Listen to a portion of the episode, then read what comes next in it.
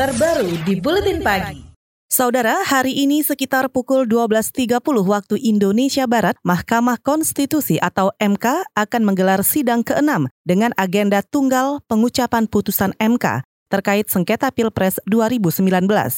Juru bicara MK, Fajar Laksono menyebut MK siap menggelar sidang hasil putusan majelis hakim, mempersiapkan hal teknis termasuk pengamanan. MK juga meminta agar semua pihak yang bersengketa mau menerima apa pun keputusan hakim MK mari kita uh, jernih dalam berpikir. Mari kita kembali pada aturan, pada norma-norma konstitusi bahwa di MK inilah putusan yang final and binding itu diketuk dalam uh, perselisihan hasil pilpres. Final and binding itu berarti tidak ada mekanisme, tidak ada ruang hukum lagi untuk mencalon putusan Mahkamah Konstitusi. Lagi pula MK menggelar membentangkan perkara perselisihan hasil pilpres ini sedemikian terbuka. Juru bicara MK Fajar Laksono menambahkan, menerima putusan hasil sengketa pilpres 2019 menjadi penentu kedewasaan dalam berdemokrasi, berhukum, dan berkonstitusi. Secara normatif, upaya membawa perkara sengketa ke Mahkamah Konstitusi menandakan supremasi hukum negara. MK juga telah mengundang pasangan calon presiden dan wakil presiden dalam sidang putusan tersebut. Badan Pemenangan Nasional BPN Prabowo Subianto Sandiaga Uno akan berlapang dada menerima apa pun hasil putusan Mahkamah Konstitusi terkait sengketa hasil Pilpres 2019. Juru bicara BPN Andre Rosiadi menyatakan, Prabowo Sandi sudah siap menerima putusan MK, kalah atau menang. Andre juga menyampaikan amanat dari Capres 02 Prabowo Subianto yang mengimbau pendukungnya untuk tidak ke MK ketika pengumuman sidang putusan. Namun, BPN enggan menanggapi perihal gerakan massa yang akan mengatasnamakan pendukung 02 di MK. Imbaunya satu ya, pertama sesuai dengan arahan Pak Prabowo kita meminta pendukung untuk tidak usah hadir ke MK. Serahkan sepenuhnya kepada kuasa hukum. Yang pertama. Yang kedua, himbauan yang kedua, apa pun keputusan MK, baik menang ataupun kalah, mari kita sikapi dengan tenang, dengan suasana sejuk dan lapang dada, kepentingan bangsa dan negara, serta keutuhan NKRI di atas segala-galanya. Seperti itu. Juru bicara BPN Andre Rosiade menambahkan, hanya tim kuasa hukum Prabowo Sandi yang akan hadir langsung di Mahkamah Konstitusi saat berlangsung sidang putusan itu.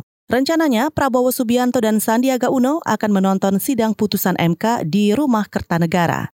Sementara itu, saudara, tim kampanye nasional TKN juga mengimbau agar kedua kubu paslon Pilpres 2019 tetap tenang saat Mahkamah Konstitusi mengumumkan hasil sidang sengketa. Wakil Ketua TKN Arsul Sani mengatakan, seluruh jajaran TKN dan Badan Pemenangan Nasional diharapkan menyudahi perselisihan dan persaingan di Pilpres 2019.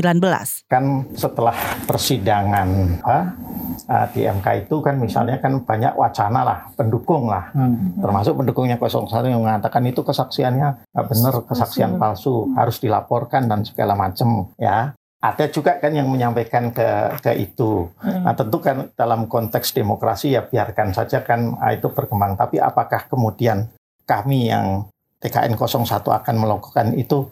Rasanya tidak. Itu tadi Wakil Ketua TKN Arsul Sani. Sebelumnya, juru bicara TKN Arya Sinulingga juga meminta pendukungnya untuk menerima hasil putusan Mahkamah Konstitusi terkait sengketa Pilpres, termasuk tidak mengerahkan masa ke MK karena putusan majelis hakim merupakan proses demokrasi yang harus dihargai. Sementara itu, saudara, sekitar 47 ribu aparat gabungan dari TNI, Polri, dan pemerintah daerah dikerahkan untuk menjaga gedung MK dan objek-objek vital di sekitar gedung MK ketika sidang putusan MK terkait sengketa Pilpres. Juru bicara Mabes Polri, Dedi Prasetyo menyebut sebanyak 13 ribu aparat disiagakan di sekitar gedung Mahkamah Konstitusi Sisanya tersebar di istana, KPU, Bawaslu, gedung DPR, dan objek vital lainnya. Di seluruh sentra-sentra keramaian masyarakat, termasuk bandara, stasiun, kemudian sentra-sentra perekonomian itu sudah diamankan juga. Makanya 47 ribu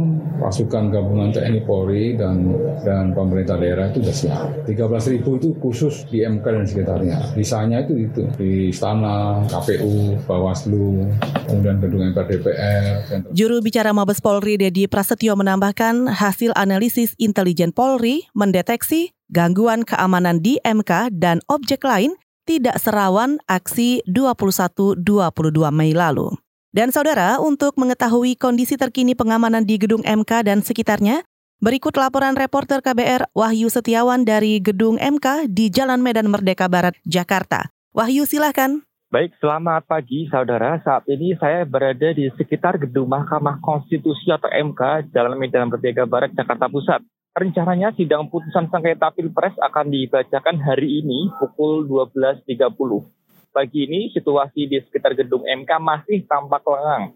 Namun penutupan dan pengalihan arus sudah mulai diterapkan. Jalan Medan Merdeka Barat mulai pagi ini sudah ditutup total. Akses untuk menuju ke jalan ini dialihkan ke jalan lain seperti Jalan Abdul Muiz atau Jalan Medan Merdeka Selatan. Namun, pengalian ini bersifat situasional melihat perkembangan yang ada. Kemudian untuk menghalau akses mendekat ke gedung MK, sudah ditempatkan papan beton dan kawat berduri di depan Kementerian Ketahanan atau sekitar 400 meter dari kantor MK. Dari informasi yang saya himpun di sekitar MK ada sekitar 3.000 13.000 personel gabungan yang siaga. Namun polisi membuka peluang akan menambah personil jika diperlukan.